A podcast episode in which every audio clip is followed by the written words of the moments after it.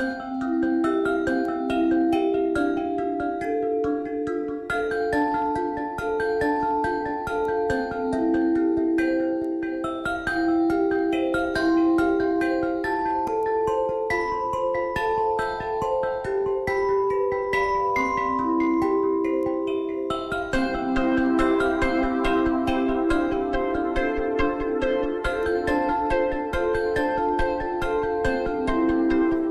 Retomamos nuestro espacio de la unidad del sueño con la participación y la ayuda de Salvador Delis. Uno, buenos días, Gemma. Neurólogo y neurofisiólogo clínico y experto en trastornos del sueño. Hoy le vamos a dedicar un espacio a las parasomnias, que esto debemos explicar qué son. Eso es. Pues las parasomnias las concebimos como, como episodios de, de, alteración del comportamiento, de la conducta durante el sueño. El sueño en sí eh, lo concebimos como un periodo de, de, tranquilidad, de quietud, de reposo, aunque fisiológicamente hay que decir que es eh, una etapa bastante activa desde el punto de vista del cuerpo en general y sobre todo del cerebro, pero desde el punto de vista externo, eh, durante el sueño el cuerpo eh, lo concebimos como, como estirado, tranquilo, en reposo, calmado. Y ya cuando... podría ser cierto. y cuando aparecen estos episodios de, de, agitación, ya sea motora, psíquica, cognitiva durante el sueño, es cuando hablamos de estas parasomnias. Entre ellas están, por ejemplo, esas pesadillas, esos terrores nocturnos. Eso es, eso es. Aunque hay que hacer una, una distinción, pesadillas y terrores nocturnos no, no son No el mismo, mismo. fenómeno. Las parasomnias las clasificamos según la, la fase del sueño en la, que, en la que suceden. Sabemos que el sueño se divide en ciclos que duran aproximadamente una hora y media, dos horas. Las primeras fases las llamamos sueño no REM y van des- descendiendo en profundidad eh, desde la fase 1 hasta la fase 3, que es la fase más profunda. Y luego tenemos el sueño REM, que se llama así porque se asocia a movimientos oculares rápidos y es clásicamente el periodo en el que, en el que suceden los sueños más vividos. Eso más o menos, ¿cuántas horas llevamos dormidos para cuando llegamos a ese sueño profundo de verdad? Pues hay que hacer una distinción. La primera mitad de la noche es mucho más rica en este sueño profundo, que es el sueño más reparador para, para el cuerpo.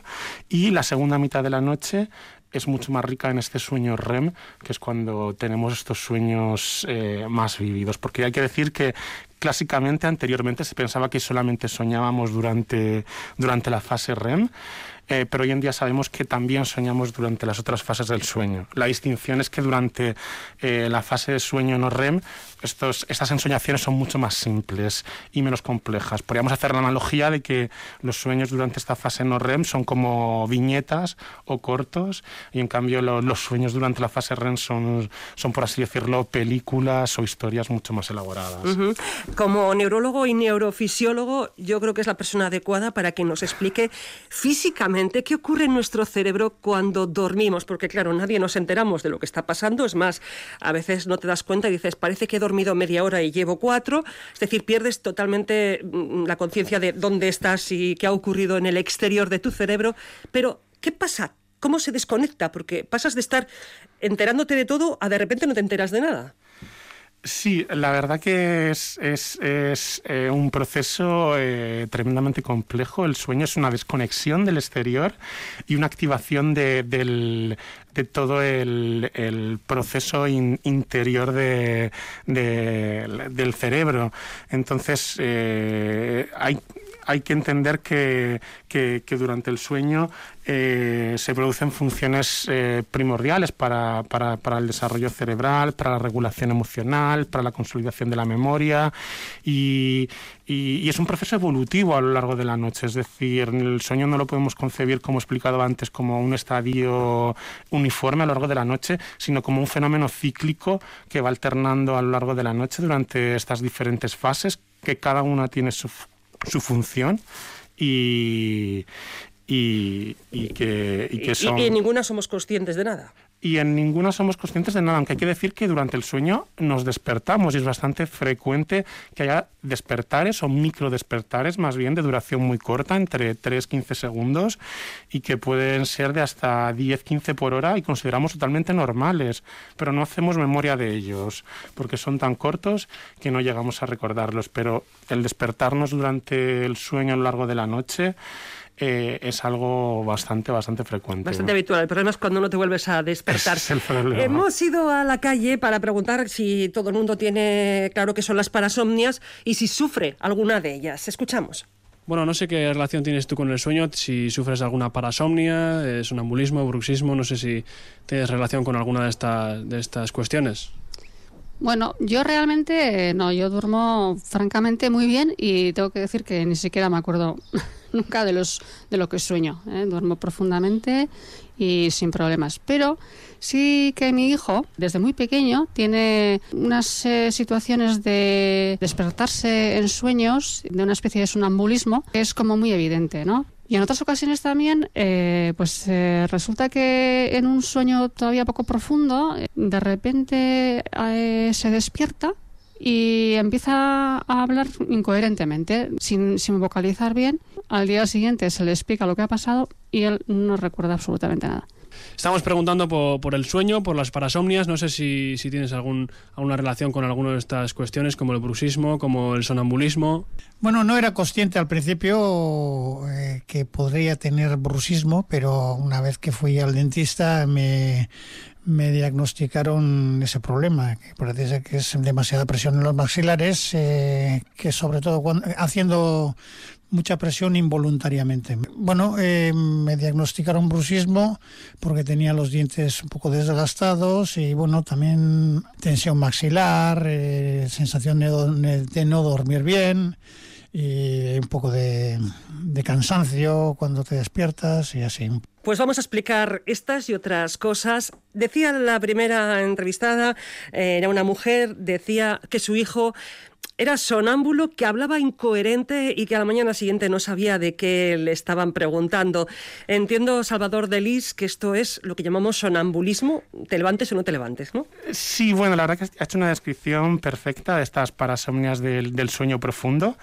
Eh, ocurren mucho más frecuentemente en niños porque precisamente durante esta fase del sueño, durante el sueño profundo, se secreta la hormona del crecimiento, que es fundamental para el crecimiento y el desarrollo durante esta etapa de la vida. Entonces, es mucho más abundante esta fase del sueño. Entonces ha hecho una descripción perfecta de, episodios, por un lado, de sonambulismo. Sonambulismo implica movimiento, implica una activación motora que, que supone incorporarse y salir de la cama y realizar actividades motoras complejas. Eso sería lo que llamamos sonambulismo. Y a veces pueden ser eh, estos episodios de, de, parasomnias durante el sueño profundo pueden ser un poquito más simples y significar simplemente pues un despertar confusional, es decir, nos despertamos eh, sin saber muy bien dónde estamos, em, hablando de forma incoherente y esto es lo que llamamos eh, un despertar confusional, que implica más pues, pues eso, una, una pequeña desorientación tras este despertar durante la fase más profunda del sueño. Que no causa ningún problema, no es nada preocupante se pasa con la edad, ¿no? Eso es, son totalmente benignos este tipo de, parasomnias, no, no, no hay que preocuparse, salvo en el caso en el que si se producen de manera muy repetitiva y reiterada, si alguna vez pueden poner en riesgo eh, pues la, integridad física de, la persona del niño, que son, son muy raros estos, estos episodios, pero bueno, sí que hay casos que a lo mejor pues el, niño puede salir de, la casa en pleno invierno, en plena nevada y mm, sufrir una hipotermia. Son casos muy, muy raros, muy, muy excepcionales, pero bueno, en casos en los que sean muy, muy aparatosos o muy repetitivos, podría ser necesario estudiarlos para ver si puede haber algún desencadenante. A veces estas parasomnias se asocian a otros trastornos del sueño y puede que a lo mejor una apnea del sueño se asocie y desencadene estos episodios un trastorno de piernas inquietas desencadene estos episodios. Entonces, en estos casos sí que habría que preocuparse y... Puede tener un causante previo. ¿No hay adultos sonámbulos? Eh, sí que hay, sí que hay. La verdad que se cree que la, la, prevalencia de la infantil oscila alrededor del 15% Y sí que es cierto que estos episodios, la mayoría eh, se, superan llegada a la adolescencia y la edad adulta, pero un pequeño porcentaje de un 3% continúa teniendo estos episodios eh, en la edad adulta. ¿Y tiene solución? Eh, pues eh, el principal desencadenante de estos episodios eh, sabemos que es la, privación de sueño y los hábitos de sueño regulares. Al final, si hay una privación de sueño, la noche siguiente vamos a hacer un rebote de este sueño profundo y entonces es más probable que se desencadenen estos episodios. Entonces, sí que tienen forma de, controlarse con estas pautas de, higiene de sueño. Vamos, lo que se llama disciplina. a la hora de meterte a la cama, ¿no? llevar unos rituales y ser disciplinados también a la hora de, del sueño. Nos decía la segunda persona que entrevistábamos, hablaba de bruxismo, que es otra de las parasomnias, que es ese estar apretando los dientes, ¿no? O, golpeando, no sé si todo... Sí, sí, eso es, es esa activación de, sobre todo de la musculatura, los maseteros, que es justo los músculos que están eh, superpuestos sobre la mandíbula y que se activan de forma repetitiva y casi rítmica durante el sueño en, algunos, en algunas personas y producen este chirriar de, de los dientes que, que bueno, a, largo plazo puede suponer un problema sobre todo ontológico, que muchas veces ven, nuestros compañeros los dentistas eh, observando un desgaste dental eh, pues muy acusado. Entonces, este señor se lo había diagnosticado el dentista. Esto es, Algo vería. Esto es, la mayoría de los casos de bruxismo al final primero van y son diagnosticados por los compañeros eh, odontólogos. Y bueno, también a veces se asocian a otros trastornos del sueño como puede ser la, la, apnea del sueño. Entonces a, veces también es, necesario completar el estudio para descartar que, que no estén asociados. ¿Esto no se relaciona mucho con el estrés? Sí, sí, sí que, sí que hay una, una prevalencia muy alta de, datos de, mayor estrés, de, ansiedad en las personas que, padecen bruxismo. Sí, es claramente un factor desencadenante y precipitante de estos episodios. Entiendo que en ese caso, si es por estrés eh, o eliminas el estrés o seguirás teniendo bruxismo. En el resto de los casos que no podemos determinar cuál es eh, la causa, ¿qué solución tiene?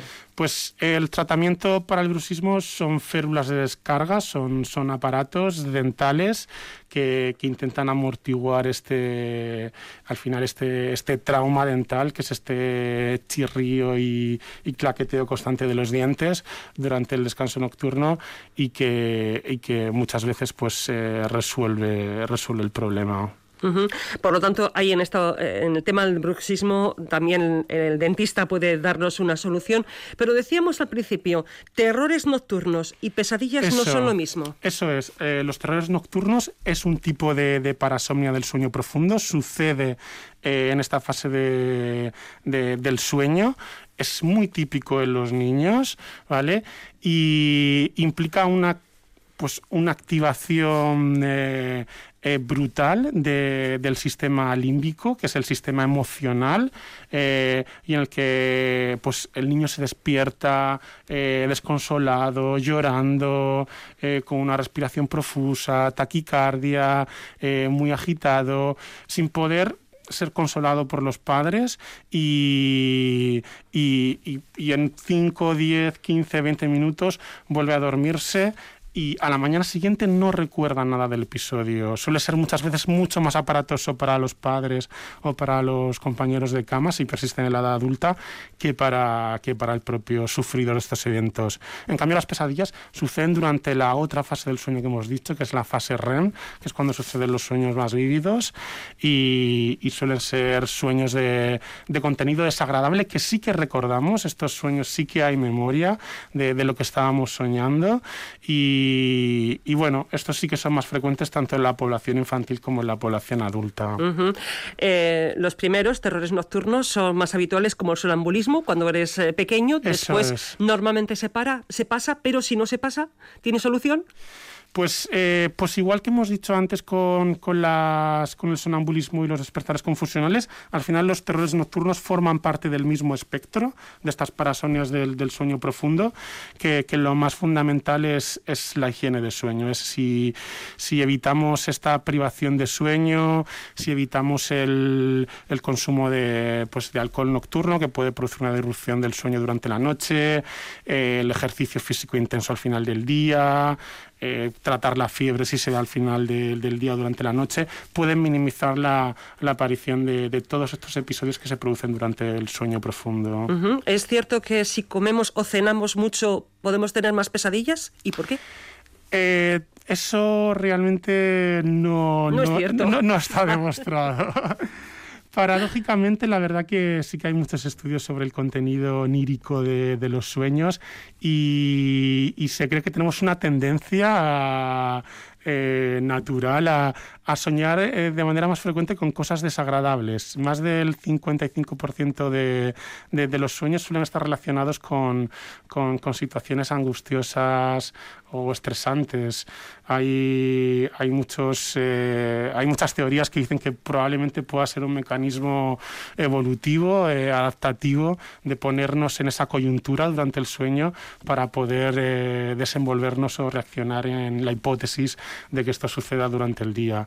Pero el caso de, de la comida realmente no, no, no, está demostrado. Sí que es cierto que una comida copiosa durante la noche puede producir un reflujo durante la noche, un reflujo gastroesofágico, y estos episodios de reflujo pueden hacer que nos despertemos más. Y esto sí que es un dato constatado, que nos acordamos eh, más de los sueños, sean agradables o desagradables, si nos despertamos durante el sueño. Entonces puede ser esta la relación. Pero por el reflujo, no por, por el reflujo. Todo no el mundo la, dice, no, no es que he cenado mucho, no he podido dormir porque he cenado mucho. No. Parece la frase típica, ¿no? no eso Yo no sé si todos estos problemas los tienen más las personas que son muy activas durante el día, que no consiguen eh, borrar toda esa actividad por la noche y relajarse, o no tiene nada que ver. Eh, sí que es cierto que, que, aquí también con las, con las pesadillas y los sueños es agradable sí que hemos constatado también que, que, que el estrés es, eh, es un factor que, que, influye a tener sueños de, de, de, contenido más, más estresante y angustioso. De hecho, también se ha visto que en pacientes con, con comorbilidad psiquiátrica, con ansiedad, con depresión, este porcentaje de sueños desagradables suele ser mucho más alto. Y también es cierto que, evidentemente, el estrés va a precipitar también esta activación, este estado de hiperalerta, va a propiciar más despertares durante el sueño, durante la noche y va a hacer que nos acordemos también más de estos episodios. Hay que empezar a relajarse bastante antes de ir a la cama, está, está, clarísimo. Hemos hablado del sonambulismo, pero hay personas a las que les ocurre todo lo contrario, que se sienten, se despiertan y están paralizadas y quieren gritar y no pueden, quieren levantarse y no pueden. Eso es, esto es otra parasomnia que ocurre durante la fase del sueño REM que es importante decir que es esta fase que hemos dicho que es cuando soñamos y es la única fase del sueño durante la cual el cuerpo está totalmente paralizado.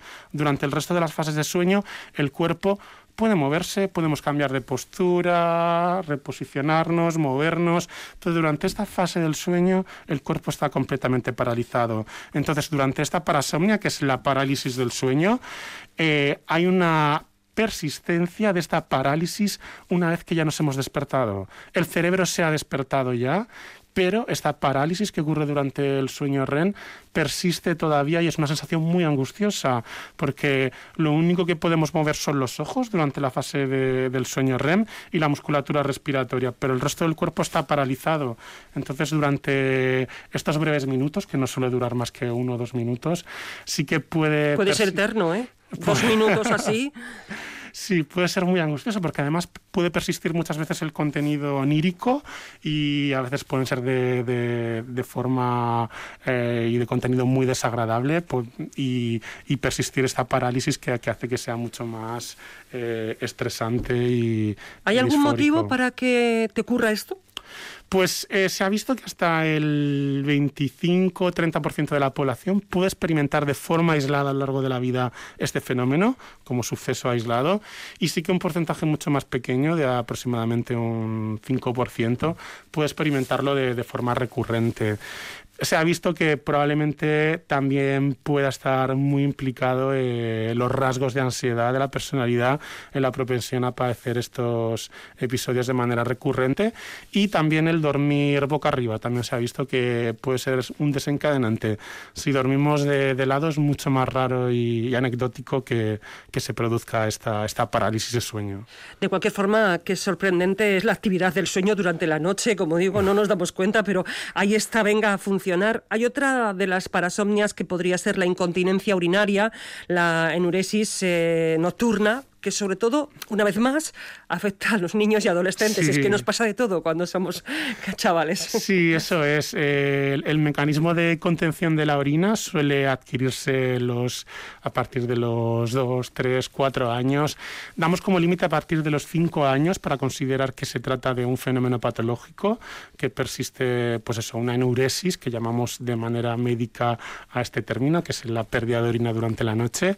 Y, y a a partir de los 10 años, en principio menos del, del, 5% de, de, los niños persisten con, con, este tipo de problemas. Al final eh, se cree que hay factores genéticos, que si los padres eh, han tenido también este problema, hay una predisposición a, tener este, este trastorno y que al final pues es un, una maduración más, eh, más tardía de los mecanismos cerebrales que, controlan la micción y, y, la diuresis. ¿Esto puede llegar hasta la edad adulta? Eh, sí que puede persistir eh, eh, en la edad adulta o puede reaparecer en la edad adulta. Si reaparece en la edad adulta, lo más probable es que se deba a causas secundarias, que no sea una anuresis primaria que decimos, que es que no se ha adquirido el control de, de la micción, el control de la orina durante la vida. Y si aparece durante a lo largo de la vida, probablemente sea secundaria a otro trastorno. Es importante en estos casos descartar de nuevo una apnea del sueño que puede dar lugar a estos episodios, un trastorno urológico, es decir, un trastorno del aparato urinario, o, a veces otras patologías más raras como pueden ser, por ejemplo, la epilepsia, que a veces una crisis epiléptica puede desencadenar un, un episodio de incontinencia urinaria durante la crisis.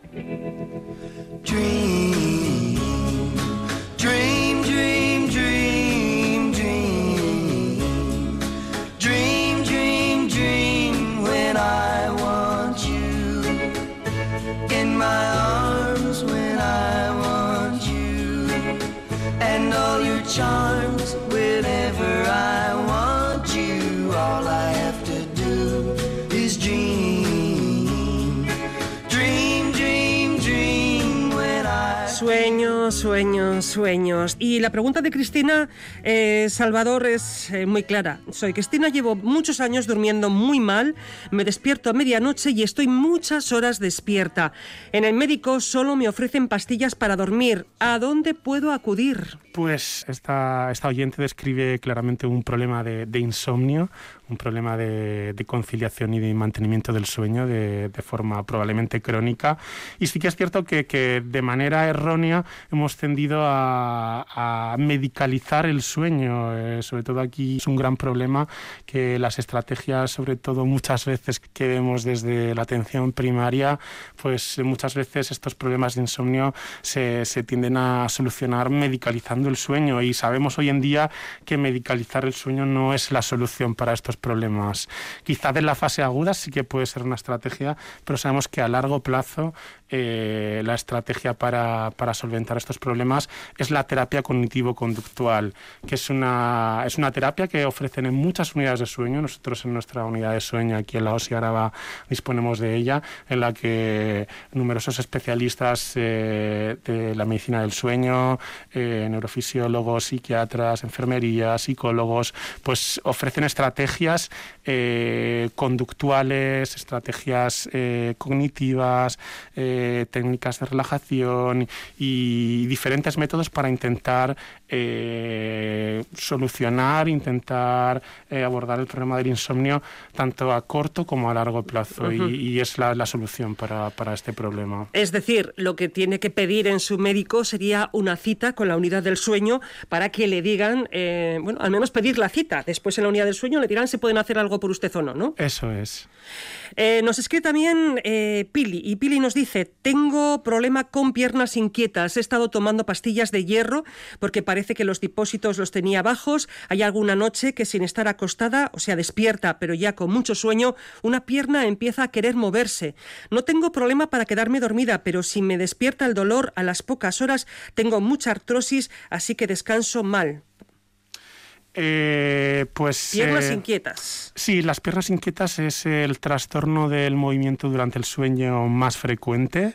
Es, eh, es un trastorno que está descrito hasta en el 10% de, de, la población y es este, esta sensación de, de, disconfort, de inquietud en las piernas que tiene claramente un patrón circadiano, es decir, que aparece sobre todo al final del día y durante la noche y que puede producir una disrupción del sueño muy importante como cuenta esta paciente. Como muy bien ha señalado, una de las estrategias principales y primera es intentar solventar si hubiese una, una, anemia, un déficit de hierro, porque se ha visto que, que el déficit de estos depósitos de hierro eh, puede estar en la causa, en el origen de, del síndrome de piernas inquietas.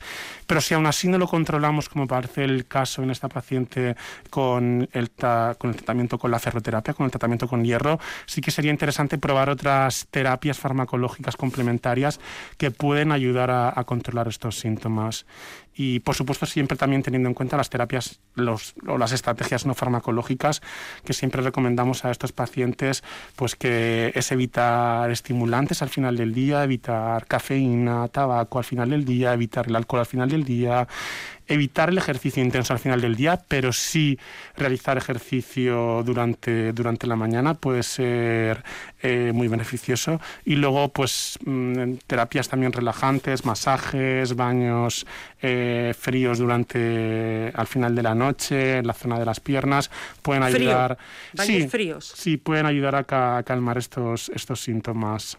Uh -huh. Es curioso, actividad por la mañana y a última hora sofá. Esa. Antes de ir a la cama, el sofá. Sí. Lo de las piernas inquietas parece un problema bastante abundante porque nos dice otro oyente, Caiso, familiar tratado con fentanilo y piernas inquietas, no pega ojo durante días.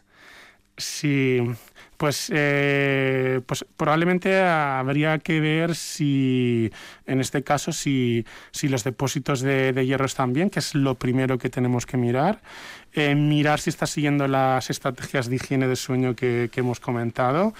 Y si aún así no se controla con el tratamiento con opioides, que es el fentanilo, estos parches, se pueden utilizar y complementar con otros tratamientos. Hay otras terapias farmacológicas, como son los eh, la primera eh, la primera estrategia terapéutica hoy en día son los antagonistas de, los canales de, del calcio, de los receptores alfa-2 delta ligando, que es un grupo de fármacos que se utilizan en, en epilepsia, en, en, trastornos también neurológicos y que también se ha descrito que su uso puede ser muy útil en síndrome de piernas inquietas. Vamos, que la unidad del sueño es la referencia una vez Eso más. es. Lo voy a repetir varias veces, siempre y cuando eh, se tenga un problema del sueño que dure más de tres meses, por ejemplo, ¿no? Eso es, ahí es cuando hablamos de un trastorno del sueño, la mayoría de ellos requieren una persistencia en el tiempo de, de, de más de tres meses. Uh -huh. Nos escribe Charo y nos dice, tengo 53 años, mi padre era sonámbulo, se casó muy joven, con 21 años, y los primeros años se levantaba y hacía cosas como si estuviera despierto. ¿Alguna vez sacudía el colchón y echaba a mi madre de la cama. Ajá.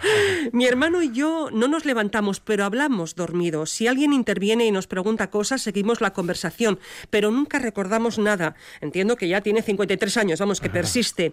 Yo tengo sueños complejos, con argumento, personajes, paisajes, vamos, toda una película, la verdad. Suelo recordar algunos sueños con detalle en el momento que me despierto, pero al cabo de unos minutos lo olvido todo.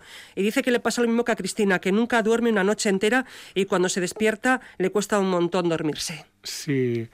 Pues, ¿Sonámbulo? ¿Es hereditario el sonambulismo? El sonambulismo sí que, sí que es hereditario. Si uno de los padres eh, es sonámbulo, hay un 60% de probabilidad de que los hijos sean sonámbulos. Si los dos padres son sonámbulos, hay un 80% de probabilidad aunque esta paciente, la verdad, creo que esta, esta oyente, creo que cuenta más lo que llamamos un eh, somniloquio aislado. El hablar durante el sueño sin actividades más complejas, sin moverse, sin levantarse, sin incorporarse de la cama, hablar de forma aislada, lo llamamos somniloquio aislado y es un fenómeno bastante frecuente, hasta el 50-60% de, de la población puede, puede hablar durante las fases más superficiales del sueño y se considera una variante de la normalidad, no se considera un trastorno.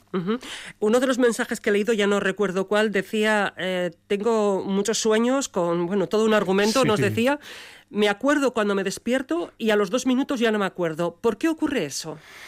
Sí, pues es, es, un tema bastante, bastante complejo el, el, acordarse o no de los sueños.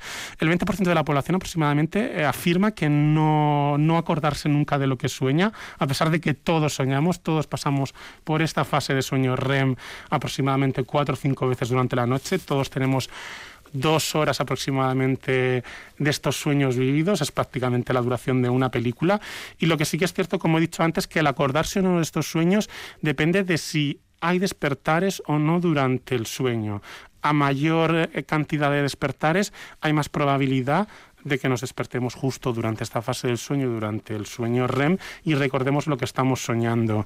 Pero memorizar a largo plazo, es decir, en ese mismo momento en el que nos despertamos podemos recordar lo que estamos soñando, pero si no lo apuntamos, si no lo compartimos con alguien, eh, lo más frecuente es que este, este, este, este recuerdo del sueño se, se, olvide, porque al final es, eh, estamos en un estado de, de, de, inercia de sueño que llamamos, que es justo tras eh, nada más despertarnos, en, lo, en, el que todavía eh, el cerebro no está predispuesto para una consolidación de, de la memoria. Entonces, la si no la apuntamos, si no lo compartimos con alguien, no nos vamos a acordar. Yo no me acuerdo nunca de ningún sueño, pero tampoco tengo una memoria pésima durante el día también. ¿Tiene algo que ver una cosa con la otra? No, yo creo que no, no tiene... No tiene relación, ¿no? Tiene relación. Me alegro, porque si no ya no tiene solución. Vamos a escuchar el mensaje de una persona que nos hace esta pregunta. Yo quisiera preguntar a ver si hay alguna técnica o algo que se pueda hacer antes de acostarte para poder relajarte y poder eh, tener un sueño reparador al día siguiente y no levantarte cansado. ¿Alguna técnica de relajación? Eh... Creo que en la unidad del sueño también lo enseñáis, ¿verdad? Sí, sí, la verdad que ya comento que en la terapia cognitivo-conductual del insomnio uno de los apartados más importantes es el enseñar estas, estas técnicas de, de relajación. Eh, y bueno, al final, yo creo que lo más importante al final del día para tener un sueño saludable durante la noche es intentar eh, minimizar los estímulos al final del día, es decir, intentar bajar el ritmo de vida, intentar desconectar de, del móvil, de las pantallas, que son unos, unos enemigos fundamentales para la conciliación del sueño, porque sabemos que, que, el pistoletazo de salida de, del sueño es la secreción de la melatonina, que es la, la, hormona de la oscuridad que llamamos, y si nos exponemos a pantallas, si nos exponemos a la televisión, al móvil, pues sabemos que esta, que este pistoletazo de salida, este director de orquesta, que es la melatonina, pues va a frenar su, su secreción.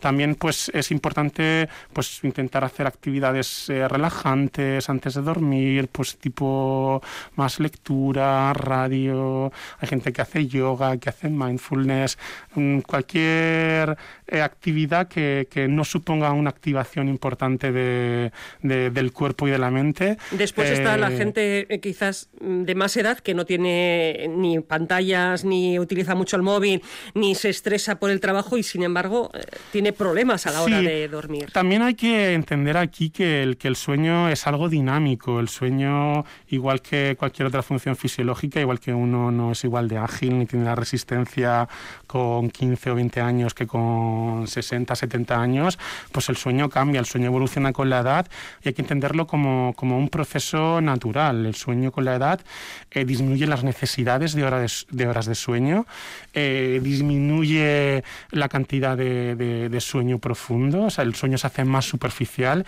y el sueño se hace más fragmentado. Y bueno, hay que entenderlo como una evolución natural del sueño. No podemos dormir como cuando éramos adolescentes, el sueño evoluciona y hay que intentar eh, racionalizarlo y, y, convivir con ello y, y no estresarse con estos despertares. Ya he comentado antes que puede haber hasta 10, 15 despertares por hora, la mayoría son muy cortitos si no hacemos memoria de ellos, pero el, proceso natural durante el sueño es volver a reconciliar. Entonces hay que intentar relajarse, dejarse llevar y.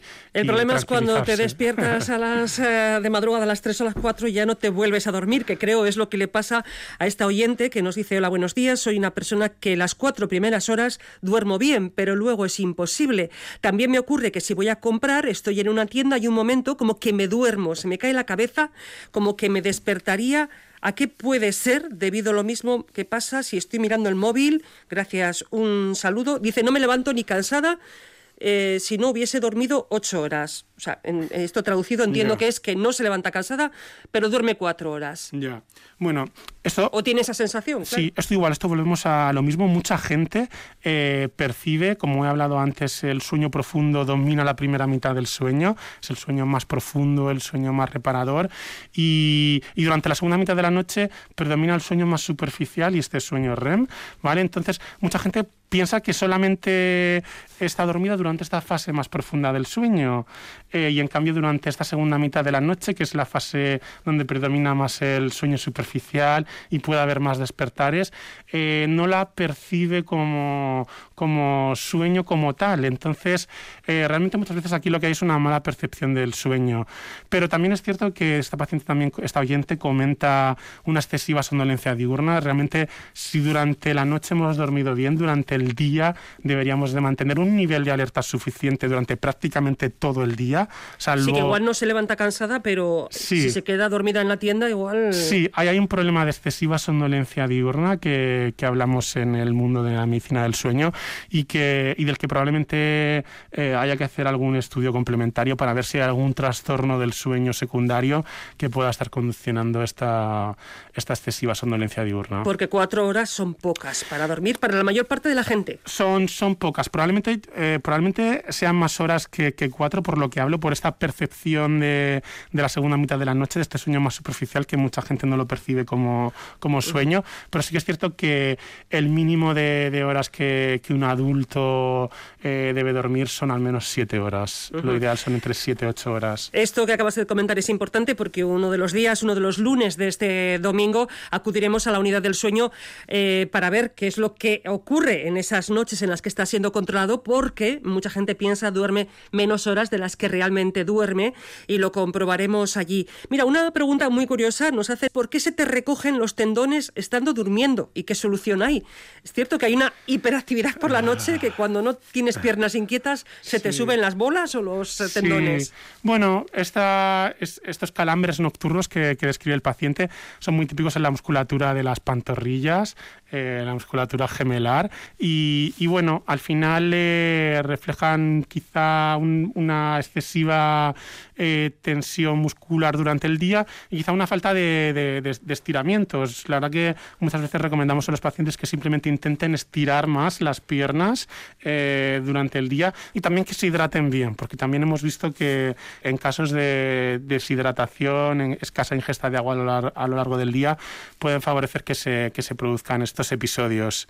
Hidratarse bien, importante relajarse antes de ir a la cama y estirar. Eso no es. Tenía, pero mira, lo de estirar antes de irte a la cama está bien. Me gustaría eh, preguntarle a Salvador Delis por el trastorno de la conducta del sueño REM, que no es lo mismo que ser sonámbulo. A ver. Eso es. Podríamos hacer la, la semejanza que es el sonambulismo de, de la edad adulta como he comentado, es, es una parasomnia que, que, se describió en los años 80 y que no es tan conocida a nivel popular y que, sin embargo, sí que tiene una relevancia y una importancia. Por eso me agrada mucho que me hagas la pregunta. Como he comentado, durante la fase del sueño REM, que es cuando se producen estos sueños más, más vividos, el cuerpo está totalmente paralizado. Es la única fase del sueño durante la cual estamos totalmente inmóviles. Y todo el mundo, incluso quienes tienen piernas inquietas, se les suben los tendones. Sí, todo, todo el mundo, mundo está paralizado Eh, es un mecanismo que se sitúa en el tronco del, cerebro, en la parte más profunda de, del encéfalo, y que inhibe toda la musculatura de la médula espinal para evitar que actuemos los sueños. Probablemente esto mucha gente, muchos expertos creen que probablemente sea un mecanismo evolutivo de defensa para protegernos de la posibilidad de que mientras soñamos podamos actuar o escenificar nuestros sueños. Entonces, sí que es cierto que, a partir de, los 50 años y más frecuentemente en varones, hemos visto que en un porcentaje nada desdeñable, de 1% de la población, puede haber este trastorno en el que se pierde esta parálisis durante el sueño REM y la persona puede actuar sus sueños. Eh, generalmente no suelen incorporarse y salir de la cama como los sonámbulos, pero sí que si están soñando que están siendo perseguidos o atacados, pues eh, pueden ponerse a dar patadas, puñetazos, vociferar y pueden lesionarse ellos mismos o pueden lesionar al compañero de cama o compañera Porque es muy real lo que están viendo. Es muy real, suele ser sobre todo en el contexto de, de, sueños muy, muy desagradables, muy angustiosos.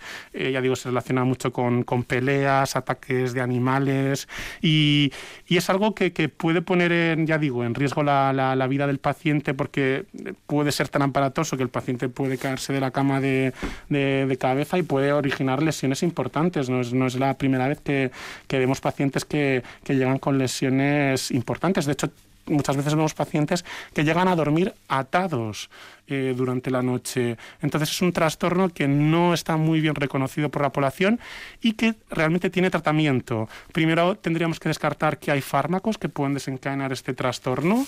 Eh, y segundo, también tenemos que tener en cuenta que un porcentaje de, de, estos, de estos pacientes que padecen esta enfermedad pueden acabar desarrollando algún tipo de enfermedad neurológica, por lo que sí que es importante que, que, se tenga en cuenta pues para intentar seguirlos de, de, manera evolutiva. Y luego, evidentemente, tiene tratamiento. Hay tratamiento farmacológico, hay estrategias también de higiene de sueño que también pueden ayudar a controlar estos episodios, por lo que es fundamental que si alguna persona eh, cree que puede tener este, este problema, que, que consulte con su médico de cabecera y sea derivado a las unidades de sueño. Vamos a poner los márgenes porque no es lo mismo que tú tengas una pesadilla una noche y de repente le des un golpe a tu pareja o le des una patada, a que de forma continuada en el tiempo sigas teniendo unas...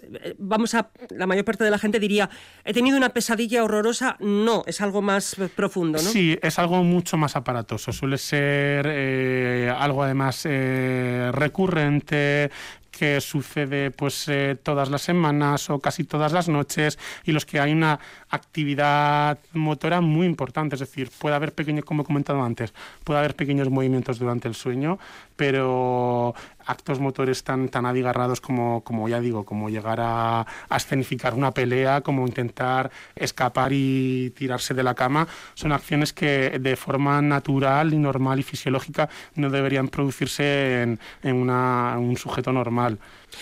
El mundo nocturno está lleno de curiosidades que solamente quienes estudian desde la unidad del sueño saben exactamente lo que ocurre y soluciones. Nos escribe la persona que nos preguntaba por eh, los tendones, que se le subían, me imagino, las bolas o tenía esos problemas, que te va a hacer caso. Vamos a ver si con estos pequeños detallitos, eh, como decimos, de disciplina del sueño, podemos atajar alguno de los problemas y siempre que sean continuados en el tiempo, recuerden, tenemos un lujo, porque la unidad del sueño de Osi Araba es una de las reconocidas no solamente en todo el Estado, también en Europa y en el mundo por todos sus estudios, sus informaciones. Su médico de cabecera les puede derivar a la unidad del sueño. Salvador Delis, neurólogo, neurofisiólogo clínico, experto en trastornos del sueño. Un placer, muchísimas gracias. Muchas gracias, Gemma.